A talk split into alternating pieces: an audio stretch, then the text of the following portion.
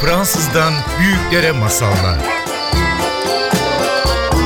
Masal Buya başlıyor.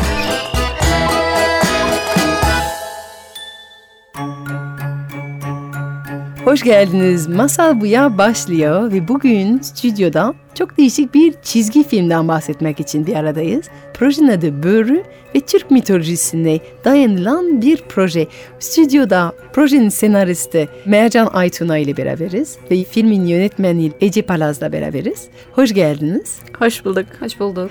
Çok değişik bir proje gerçekten yani Türk mitolojisine dayanılan ilk defa bir çizgi film duyuyorum. Nereden başladı bu proje?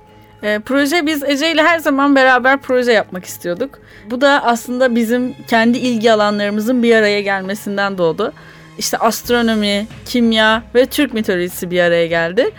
Ve şimdi bu çizgi film biraz e, özet verir misiniz? Adı Börü, bu kadarını biliyoruz. Nasıl bir şey? Ee, Börü eski Türkçe'de kurt demek ve toplumun kaderini değiştiren, yönünü gidişatını değiştiren, çağı değiştiren liderlere verilen bir sıfat. Ee, bizim hikayemizde de bir savaş var ama asıl işlediğimiz konu savaş değil. Savaşta kimyasal ve biyolojik silahlar kullanılacak. Fakat hanı birinin durdurması gerek. Bu kadar ekstrem e, bir savaşa, vahşi savaştan vazgeçirmesi gerek. E, öykümüz daha çok bilimin etiğini, bilimin sınırlarını ele alıyor. Ve ortada yine bu bilimsel güçlerin bir formülü var. Ve bu formülü Han'dan uzak tutmaya çalışıyorlar. Ama böylelikle toplumdan da uzak tutmuş oluyorlar. Dolayısıyla bilgi saklanmalı mı? Ne durumlarda saklanabilir, nasıl kullanılmalı gibi birçok e, altında bilim felsefesini işleyen bir çizgi film animasyon serisi. E aslında çoğu fantazi ve çoğu masalımsı şeylerin altında felsefe yatıyor. Belli soruları evet. sormaya yardım eden bir e, edebiyat türü. Hem bunu hem bilimden bahsediyorsunuz ama bunu çok eski bir konteks içine koyuyorsunuz. Şamanların olduğu bir çağdan bahsediyoruz. Elemanların neden Türk mitoloji? Ee, neden Türk mitolojisi? Öncelikle bu coğrafyada yaşıyoruz.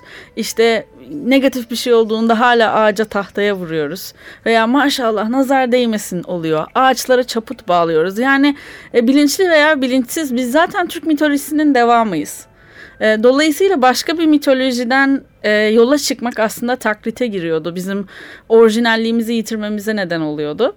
Bu nedenle Türk mitolojisini tercih ama ettik. Türk mitoloji de diyoruz ama çoğu büyük bir ihtimalle bizi dinleyen sana diyecekler ki dur ben Türk mitoloji ne kadar iyi biliyorum. Çünkü genellikle Yunan mitolojisi bile daha fazla biliniyor. Evet. Türk mitoloji araştırmak için ne tür kaynaklar kullandınız ve sizin bu Türk mitolojiyi biliyor olmanız nereden geliyor? Ee, Türk mitolojisi aslında çok köklü bir mitoloji. Dünyadaki en eski mitolojilerden biri. Hatta bizim çok iyi bildiğimiz İskandinav mitolojisi bile aslında Türk mitolojisi kökenlidir. Yani o Asya mitolojileri kökenlidir. Türk mitolojisini genellikle Çinliler ve Ruslar araştırmış. Dolayısıyla Türkiye'deki kaynakların çoğu çeviri niteliğinde. Ama Abdülkadir İnan, Bahattin Ögel gibi usta isimler zamanında bunları işte Türkçe'ye çevirtmiş, kendi araştırmalarını yapmışlar. Dolayısıyla aslında şu an derleme diyebileceğimiz büyük araştırmalar var. Ama güncel hiçbir araştırma yok. Artık herkes o iki ustanın veya emelesinin mesela araştırmalarından alarak yeni kitaplar oluşuyor. O yüzden kaynak biraz sıkıntılı Türkiye'de. Peki Türk mitolojiyle ilgin biraz 10 seneye dayalı diye söyledin. Yani uzun evet. senelerdir Türk mitolojiyle ilgileniyorsun o mitolojileri keşfettiğin zaman sen kendinle ilgili, kendi kültürün, kendi kimliğinle ilgili neler keşfettin ya da seni öteki mitolojilerden onu farklı kılan ne var bu şamanik biraz da karamsal tarafları olan e, mitolojisinde sen neler keşfettin? Öncelikle Türk mitolojisinin benim en sevdiğim yanı bu. Türk mitolojisi gerçek pratik hayata ve doğaya dayalı bir mitoloji. Dolayısıyla mesela eğlence tanrısı yok ama Lavus anneyi koruyan tanrı var. Veya büyükbaş hayvanları koruyan tanrı var. Ee, veya gerçekten işte toprağa kan dökerse kızacak tanrı var. Çünkü kan dökerse orada belki sinekler uçuşacak, belki hastalık yayılacak. Yani toplumu pratik olarak koruyacak birçok bilgi tanrılaştırılmış. Dolayısıyla çok işlevsel, hayatınızda e, işe yarayacak bir bir nevi hayat kılavuzu gibi. Kesinlikle hayat kılavuzu. Hamileye nasıl yaklaşılır, hayvanlara nasıl bakılır, ağaç niye ekilmeli, e, kurban nasıl kesilir, av nasıl yapılmalı. Hani daha doğadan bir din sistemi. O yüzden benim çok ilgimi çekmişti. Ve bunu film projenizde nasıl kattınız? Yani var mı filmin içinde öğrenilen elemanlarla ilgili, doğa ile ilgili? Çünkü modern çocuk çok nadir doğa ile bağ kuruyor. Maalesef. Siz bu filmin esnasında bu bağı kuvvetlendirmek için, güçlendirmek için börü ne katıyor o çocuklara? E, Börü'de bir bilim kısmı var bir de şamanlar kısmı var. E, şamanlar kısmı doğaya nasıl saygı duyulması gerek? Böceğin sizin vücudunuzdaki kanda ne kadar hakkı var, ne kadar payı var? E, veya avınızın ne kadarını yanınızdaki hayvanlarla paylaşmalısınız ki onlar size saldırmasın? Bir petekteki balın ne kadarını almalısınız gibi doğaya nasıl saygı duyulur? Doğayla iç içe nasıl yaşanılır? E, doğayı modern anlamda kirletmemek değil, gerçekten tüketmemek anlamında, Bitirmemek. bitirmeme anlamında nasıl döngüyü sağlarsın? Çünkü doğa hani biz bazen doğaya çok üzülüyoruz mahvettik diye. Ama aslında doğa bizden güçlü bir şey. Yani bizden büyük bir şeye zarar veremeyiz. Sadece biraz yavaşlamasını sağlarız. Sürdürülebilirliği. Sürdürülebilirliğin sağlamak. Evet yani bizden büyük bir güce nasıl içinde var olabiliriz? Nasıl o sistemin bir parçası olabiliriz'i anlatıyor. Evet. Peki hikayeden biraz bahseder misiniz bizim için? Börünün hikayesi yoksa gizli mi tutuyorsunuz daha? Ee, paylaşabildiğimiz bir kısmı var. Buyurun. Ee, Börü yarı çoban, yarı şaman bir çocuğun köydeki bütün küçükbaş hayvanları telef etmesiyle başlıyor ve köylü bunları kovuyor. Ee, Bars bu karakterimiz. Bars çok ağır yükler taşıyabilen özel bir ayısı var, kül ayısı. Onunla beraber yola çıkıyor. Köydeki zararı karşılayacak parayı tekrar sağlayabilmek için. Bu arada da Hanlıkta element avcıları var. Element avcıları 92 elementten oluşan bir koleksiyonu tamamlamaya çalışıyorlar ve Hanlık'taki maden haritalarını, maden rezervlerini, stoklarının kontrolünde bulunuyorlar. E, Dolayısıyla doğadan saf halde bulunan veya bileşik halinde bulunan elementleri saflaştırmaya çalışıyorlar. Duman bu karakterimiz kimyager. Bars'la karşılaştığında ayısının ona çok fayda sağlayacağını, yükleri taşıyacağını, çukurlar kazabileceğini veya belli madenleri koklayabileceğini fark ettiğinde e, Bars'tan kozayı satın almak istiyor fakat Bars kozayı vermiyor. Dolayısıyla çok fazla detay vermeden daha fazla bu iki karakterin yolu kesişmiş oluyor. Bir de asıl savaşçı karakterimiz var Pamir. O da astronomi akademisi için gizli bir görevde. Ee, ve element avcılarıyla, kimyagerlerle yani ortak bir proje yürütmesi gerek. Bu sebeple Pamir de bu ikili ekibe katılıyor. Beraber Hanlığı köy köy gezerek hem elementleri keşfediyorlar e, hem de işte bu daha önce bahsettiğimiz konsepte yaşamaya çalışıyorlar. Yani bilim, doğa ile bağlantı, eski inanç sistemleri, şamanizm ve biraz da gerilim hepsi bir arada diyebiliriz. Evet. Şimdi bu projeden bahsedelim. Projenin şu an hangi aşamadasınız? Çünkü çok genç ve bağımsız bir ekipsiniz ama şimdiden sizin çizgileriniz var, senaryonuz var ve şu an aslında ilk bölümleri hazırlamaya ve yayın için sunmaya hazırlanıyorsunuz. Biraz o projenin gelişiminden bahseder misiniz? Ee, aslında bu bir Kickstarter projesi. Ee, Kickstarter'ı maalesef Türkiye'de çok fazla bilmiyoruz ama bizim gibi bağımsız kalmaya çalışan e, sanatçılar için oluşturulmuş bir platform aslında. Ee, ve siz bir miktar talep ediyorsunuz insanlardan. O miktarı da e, kitlelerden toplamaya çalışıyorsunuz. Yani şu an bu filmin ilk bölümleri çekebilmek için e, açık bir tane çağrıda bulunuyorsunuz ve birçok insan size destek vermeye başladı. Bu Aynen. filmin aslında bağımsız bir şekilde üretilmesi, yapılması bu çok değişik bir şey. Çünkü genellikle her zaman büyük medya kanallarından e, beraber yapılıyor. Siz genç bir ekip olarak değişik bir projeyle tamamen bağımsız bir şey yaratmaya çalışıyorsunuz. Aynen öyle. Yani bağımsız kalabilmek bizim için gerçekten çok önemli. Çünkü hem Börü'nün hikayesine hem de geçtiği e, coğrafyaya, karakterlere çok fazla önem veriyoruz. Dolayısıyla bizim anlatmak istediğimiz şekilde var olsunlar. Çok istiyoruz. E, çizerlerimizle Ağustos ayından beri e, çalışıyoruz. E, bizim için de Börü yaklaşık olarak bir senedir var olan bir proje. E, artık biz böyle kendi çabalarımızla e, bu seviyeye kadar getirdik. E, Ve de biraz çok da güzel çizgileri var. Yani ben e, bu projenin fragmanı seyretmeyi e, fırsatım oldu. Çok güzel bir çizgiyle beraber hazırlanılıyor. Aynen. E, Stüdyo Moet'le çalışıyoruz. E, Mayana e, Creatives diye ekibimiz var. E, Stüdyo Moet de onların bir parçası. Caner Şant ve e, Ömer bize yardımcı oldular. Gerçekten de çok başarılı sanatçılar kendileri de. E, ve bir uyuştuk. Aslında konsepti oluşturmak gerçekten çok zordu. Hani nasıl Türk mitolojisini araştırırken e, kaynak sıkıntısı çekiyorsak aslında aynı şekilde konsepti oluştururken de kaynak sıkıntısını da çok çektik. Karakterlerin kıyafetlerini bile anlatırken çok zorlandık. Ee, hani mecburen Moğol mitolojilerine gitmek zorunda kaldık. Çünkü daha çok onlarla ilgili çizimler var. Ama e, bir şekilde var olmayan bir şey yaratıyoruz aslında. E, daha önce hiç yapılmamış bir şey. Bu yüzden biraz zor ve bu yüzden daha fazla desteğe ihtiyaç var. Bu film gerçekleştikten sonra onu YouTube kanalı üzerinde yayınlamaya düşünüyorsunuz. Yani insanlar kanal dışında e, direkt insanlara ulaşmaya düşünüyorsunuz. Bu tabii ki çok yeni imkanlar olmaya başlıyor. İnsanların sizin gibi bağımsız bir şekilde direkt izleyici kitleyle ulaşabileceksiniz. Ee, aslında 21. yüzyıl bu konuda çok keyifli bir ortam. Ee, çünkü internet gibi bir gücümüz var artık. Ülke olarak ne kadar dışarılıklı olsak da bir yerde yani ötekileştirilmiş bir ülkede olsak e, bir şekilde biz bunu yıkmaya ve herkese ulaşabilmeye çalışıyoruz. Dolayısıyla YouTube çok güçlü. E, çok güçlü bir kanal aynı zamanda. Ve neden herkes de bizi dinlemesin, bilmesin ve öğrenmesin? Evet. Yani hani bu Çünkü gerçekten burada... bizim sorduğumuz en önemli sorulardan biriydi. Neden herkes bizi bilmesin? Uzun zamandır bütün çizgi filmler aslında Amerikan e, yapımı oluyor hı hı. ve Amerika kendi çizgi filmleri bütün dünyaya gönderiyor. Bütün e, felsefesiyle, işte geçmişiyle, mitolojisiyle.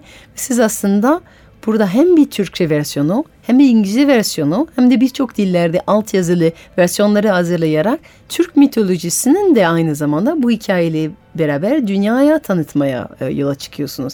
Yani bu keyifli bir yeni keşif. Türkiye'nin bir imaj e, çalışması aynı zamanda. Evet aslında bu böyle bir misyon edinerek e, yola çıkmamıştık ama sanırım yolda böyle bir misyonumuz olduğunu da fark ettik. Ve gerçekten hani hep küçüklüğümüzden beri Yunan mitolojisini biliyoruz. E, Roma mitolojisini biliyoruz.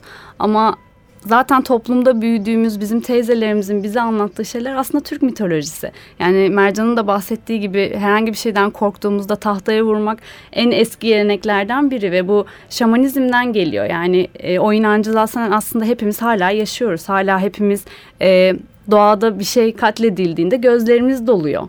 E, dolayısıyla bu topraklarda var olan bir şey anlatmak ve yaymak istedik. Anadolu çok bereketli bir toprak. Ve siz tabii ki bu bunu araştırırken bir sürü eski geleneklere de aynı zamanda sahip Hı -hı. çıkmaya başladınız. Yani görüyorum ki sizin küçük logo işte e, şaman davul e, şekli oluyor. Sizin açılış partinizde kamız diye bir evet. içecek dağıttınız ve bunu özellikle işte bizim kültürümüz neydir, biz kimiz, Hı -hı. nereden geliyoruz, Hı -hı. eskiden ne içerdik, ne ne biçerdik, nasıl Hı -hı. besleniyorduk. Bu araştırmalar yaptığın zaman özellikle senin Ece hayatında katmaya başladığın, yeni keşfettiğin geleneklerin oldu mu? Şamanızınla bağ kuvvetlendiren keşiflerin oldu mu? Ee, kesinlikle insan kendini tanımaya başlıyor bir kere. Ee, yani sadece e, hikaye anlatmak değil aslında bu bizim biraz da kendimizi bulma yolculuğumuz. E, bizim bu konuyla ilgili bir belgesel projemiz de vardı. Ee, inşallah e, böyle bir şekilde gerçekleşebilirse onu da yap yapabilmek çok istiyoruz. Çünkü biz aslında kendimizi arıyoruz her insanın olduğu gibi. E, bunu şu anda bir çizgi film yoluyla anlatıyoruz. E, ileride başka bir şey yoluyla anlatmaya çalışacağız. E, ve insan kendini evinde gibi hissediyor aslında. Bu çok keyifli bir e, süreç. E, Shakespeare okurken belki insan kendini mutlu hissedebiliyor ama o kadar bir aidiyetlik hissedemiyorsun bir yerde. Ama Türk mitolojisini anlatmaya başladığın zaman bu sefer kendini gerçekten o evin e, ve o dünyanın bir parçasıymış gibi hissediyorsun. O zaman daha çok kendinden anlatabilebiliyor oluyorsun. Kendi kimliğini yeniden keşfetmek oluyor aslında. Kesinlikle. Yani köklerin kimliğin oluyor. Evet. Şimdi bu umarım çok yakında bu çizgi film çocuklar ve büyüklerle beraber kavuşacak. Ee, sohbetimizin sonuna doğru geliyoruz ve şey sormak istiyoruz. Sizi nasıl destekte bulunabiliriz? Yani çünkü şu an bir kampanya başlattınız ve bu proje gerçekleşebilmesi için, bağımsız bir şekilde gerçekleşebilmesi için herkesten destek bekliyorsunuz. Evet, e, şu anda kendi web sitemiz üzerinden de yayın yapıyoruz. E, börüyü İngilizce yazdık uluslararası olabilmesi için. Dolayısıyla börü ya da boru şeklinde değil de B-O-E-U-R-U-E şeklinde. Boerue. Boerue, Tamam. www.boeruye.com'dan girebilirler. Ee, orada hem Kickstarter'ı anlatıyoruz hem de Kickstarter sayfamızda bağış yapabilecekleri platforma yönlendirme yapıyoruz. Ee, 1 dolardan 10 bin dolara kadar bir bağış skalası var ve e, bunun karşılığında biz de ödüller veriyoruz. Şaman Davulu da bunlardan biri mesela çok keyifli ödüllerimizden biri. Ee, oraya tıklayıp girip bakabilirler. Ve aynı zamanda orada fragman görebiliyorlar değil mi? Kesinlikle evet. Evet, harika. Peki son olarak bu şamanizm, Türk mitolojisinden bahsettik. Siz bu 10 seneye, birkaç senedir bununla daha fazla ilgilenmeye başladınız. Hayatınızda da onları katmaya başladınız. Dinleyicilerimiz bu konuyla daha fazla ilişkilerini pekiştirmek istiyorlarsa ya da merak ediyorlarsa nereye baksınlar, neyi dair edebiliyorlar hayatlarında, mitoloji, şamanizm dair var mı tavsiyeniz? Ee, İlk olarak toplumumuzda şehirde yaşamak sanki doğada yaşamak değilmiş gibi algılanıyor. Halbuki şehir de doğanın bir parçası. Sadece doğanın yeni bir oluşumu, yeni bir şekli. Dolayısıyla kendilerini ilk başta doğadan kopuk yaşıyormuş gibi hissetmemeleri gerek. Doğa bazen bir taş, bazen bir sinek, bazen de bir çam ağacı. Dolayısıyla ilk başta doğada var olduklarını, zaten onun bir parçası olduklarını kabullenmeleri gerek bana sorarsanız. Ve böylelikle yalnız kaldıklarında doğanın hangi parçası olduğunu, bugün hani doğayla nasıl bütünleştiğini algılamak bile insanı çok farklı bir noktaya vardırtıyor. Şehrin kalbinde bile bile o hissedebiliyoruz bu bağ. Evet, bir evet, çiçekle, yani bir doğa- kuşla. Aynen doğa sadece deniz, doğa sadece dağ değil. Doğa zaten içindeyiz. Şehirde de olsanız, teknolojik bir kampüste de olsanız sadece doğanın yeni bir versiyonunu görüyorsunuz. Doğadan kopukmuş hissinden kurtulmamız gerek ilk başta. Evet yani Harika. kar, bir yerde Carl Sagan'ın dediği gibi hepimiz aynı yıldız tozunun parçasıyız aslında. Canlı olarak biz de doğanın bir parçasıyız. Suya değdiğimiz zaman da o da bir parça. Ee, sokakta tekmeleyerek uzaklaştırdıkları kedi de doğanın bir parçası. Onun için aslında biraz insanlar kendine bakıp ve etrafına dikkat etmeye başladıklarında e, gerçek şamanizmi belki de göreceklerdir. Evet ve direkt bu börünün yapmaya çalıştığı şey bu. Sizin hikayeniz biraz bu. Bilim ve şamanizmin doğa bağı üzerinde kurmak. Siz de diyorsunuz ha Carl Sagan ha eski şamanizm aslında aynı mesaj var. Yani sen Evet. burada bir şeyin bir parçasısın. Bu bağı hisset bir daha. Kesinlikle.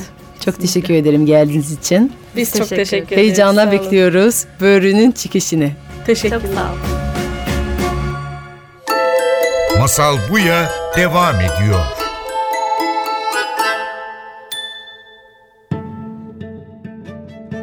Şimdi Masal Buya'da büyükler için masal başlıyor. Kuzey rüzgarlarında yola çıkıp kuzey yıldızlarını takip ederseniz, kuzey ışıklarının görüldüğü yeri kadar varırsanız, buzdan bir ülkeye gelirsiniz. O ülkenin evleri, yolları, sarayı buzdandır. O ülke öyle soğuk, öyle soğuk ki oraya varınca insanların o soğuk içinde nasıl yaşayabileceğini merak edersiniz. Bunun cevabı sır değil. Hatta ve hatta cevap o ülkenin kapısında yazıyor. Dışarısı ne kadar soğuksa içerisi o kadar sıcak. Evlerinde koca ateşler yakmaktan bahsettiğini hiç zannetmeyin. Hayır. O ülkede herkes kalbini sıcak tutmak gerektiğini bilir. Ve bunun tek yolu aşktır. Aşk.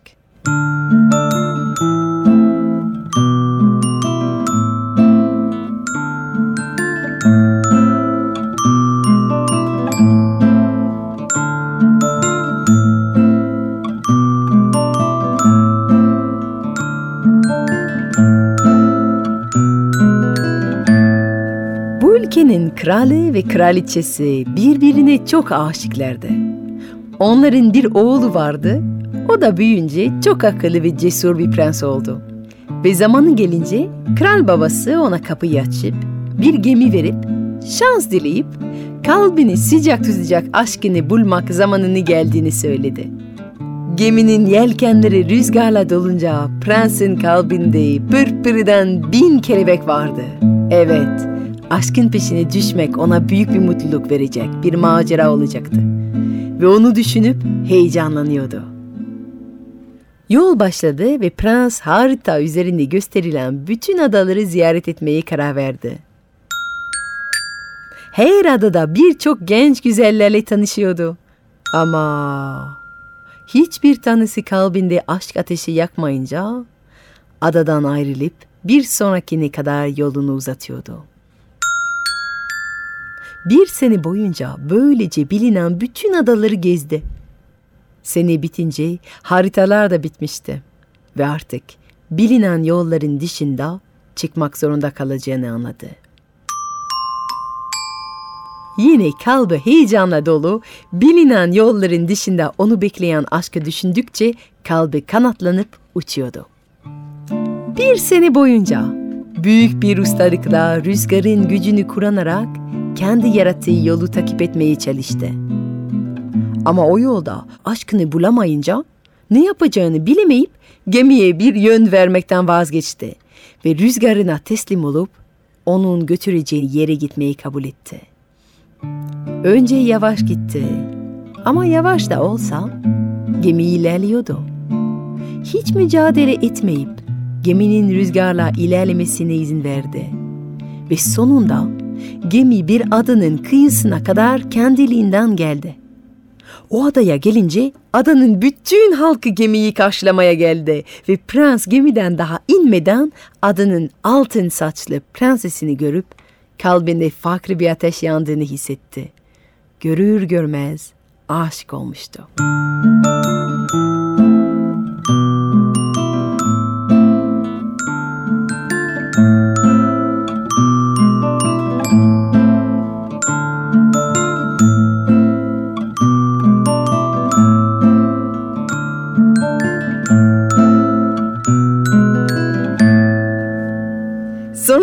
oldu? Eh, konuştular, tanıştılar, birbirine aşık oldular. Vakit geçti, mutluluk içinde yaşayıp bal kadar tatlı bir bebek dünyaya getirdiler. Zaman uçup geçti. Ta ki bir gün prense buz ülkesinden bir mesaj gelinceye kadar. Kral yaşlanıyordu. Artık prensi yanına çağırıyordu onun yerinde ülkeyi yönetmesi gerekiyordu. Bu haberi alan prens ve prenses gemiyi hazırlayıp çocukla beraber evi dönüş yola çıktılar. Dönüş yolunda yine rüzgarlardan faydalandılar ve haftalar boyunca yolculukları çok çabuk ilerledi. Prens, prenses, geminin bütün ekibi tam bu durumdan seviniyordu ki... Birden bütün rüzgarlar düştü. Deniz hareketsizleşti. Sessizleşti. Ve gemi durdu. Rüzgar olmayınca, bulut olmayınca gökyüzünde güneş iyice sıcak oldu. Sıcaktan geminin bütün ekibi uykuya daldı. Prenses de içeriye uzanmaya gitti tek başına prenses güvertede oyun oynayan oğlu ile beraber kaldı. Prenses yapayalnız kalınca ufuktan taştan bir tekne belirlendi. Küreksiz, rüzgarsız tekne hızla gemiye ulaştı ve içinden deri kuru ve çatlak, uzun burunlu siyah giyimli bir cadı çıktı. Elini prensesi doğru uzattı ve prenses gökleri doğru uçtu. Sihirli bir sözle prensesin kıyafetlerinin kendisinkiyle değiştirdi. Elini bırakınca prenses havalandığı yerden taştan tekneye düştü.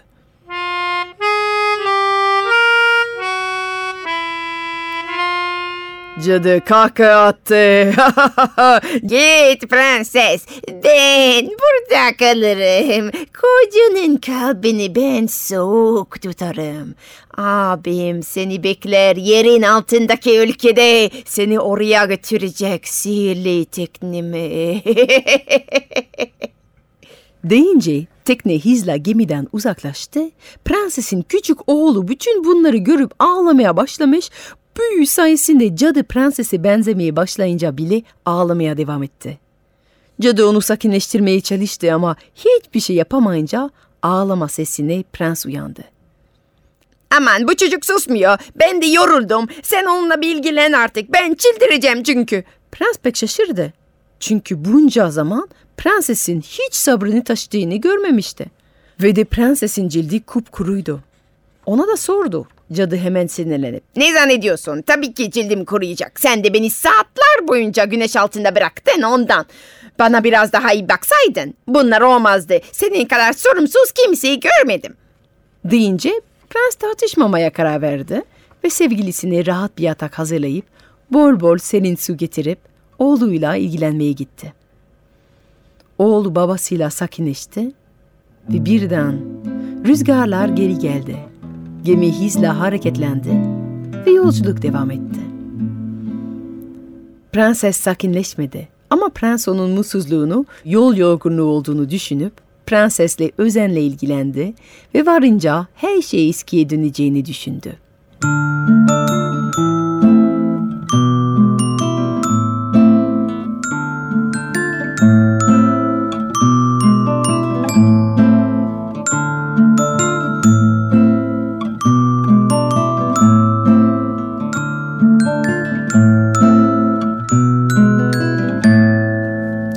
geldiler. Ama prenses eski halini dönmediği gibi her gün daha sinirli ve öfkeli oldu. Saraydaki bütün hizmetçileri bağırıyor, prensin kalbini kırıp çocuğuyla hiç ilgilenmiyor. Oğlu da onu her gördüğünde ağlamaya başlıyor. Prens bu durumda nasıl bir çözüm getireceğini bilmiyor. Oğluna bakacak şefkat dolu bir bakıcı buldu. Eskiden kalbini sıcak tutan prenses şimdi kalbini buza dönüştürüyordu. Zaman geçiyor. Prens mutsuz. Oğlu mutsuz. Bütün saray mutsuz. Bir tek cadı. Cadı mutlu. Odasında kimse onu görmediğinde dans edip sevinçten çatlıyor. Çatlaklardan cadı yüzü ve uzun burunu çıkıyordu. Prensin kalbi soğuk tut. Bir taş zaten üşüyecek. Taş soğuktan çatlarsa prens ölecek.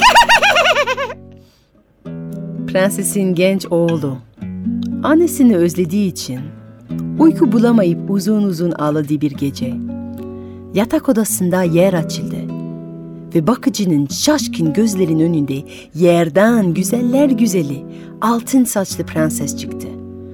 Üstünde uzun siyah cadının elbise vardı. Belini saran demirden bir halka, uzun bir zincirle onu bağlı tutuyordu. Üzgün yüzlü prenses, ağlayan çocuğu kollarında alıp kalbine yakın tuttu.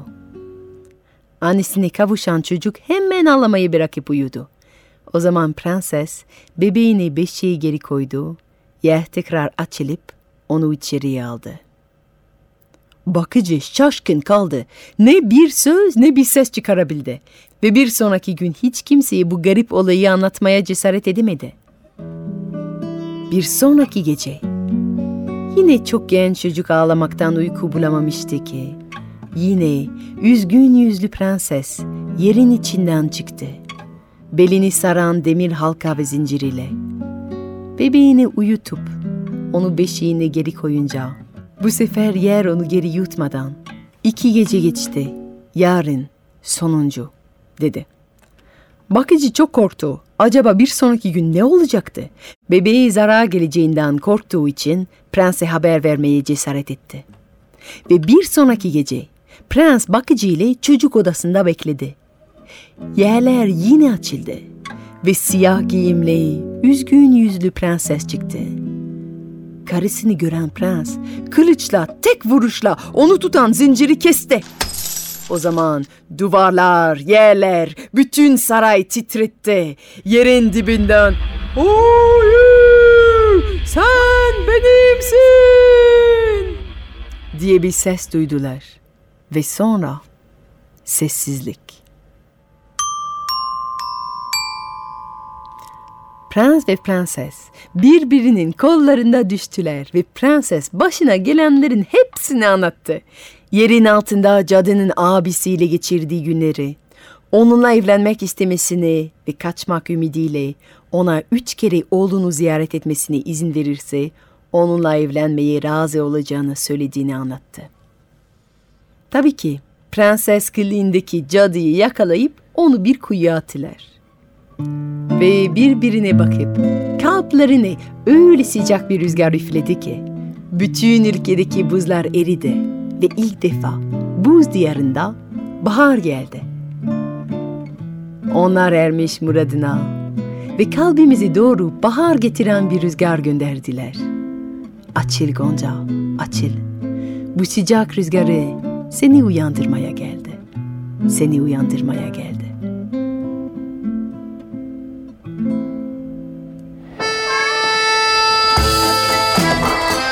Fransızdan büyüklere masallar. Masal Buya sona erdi.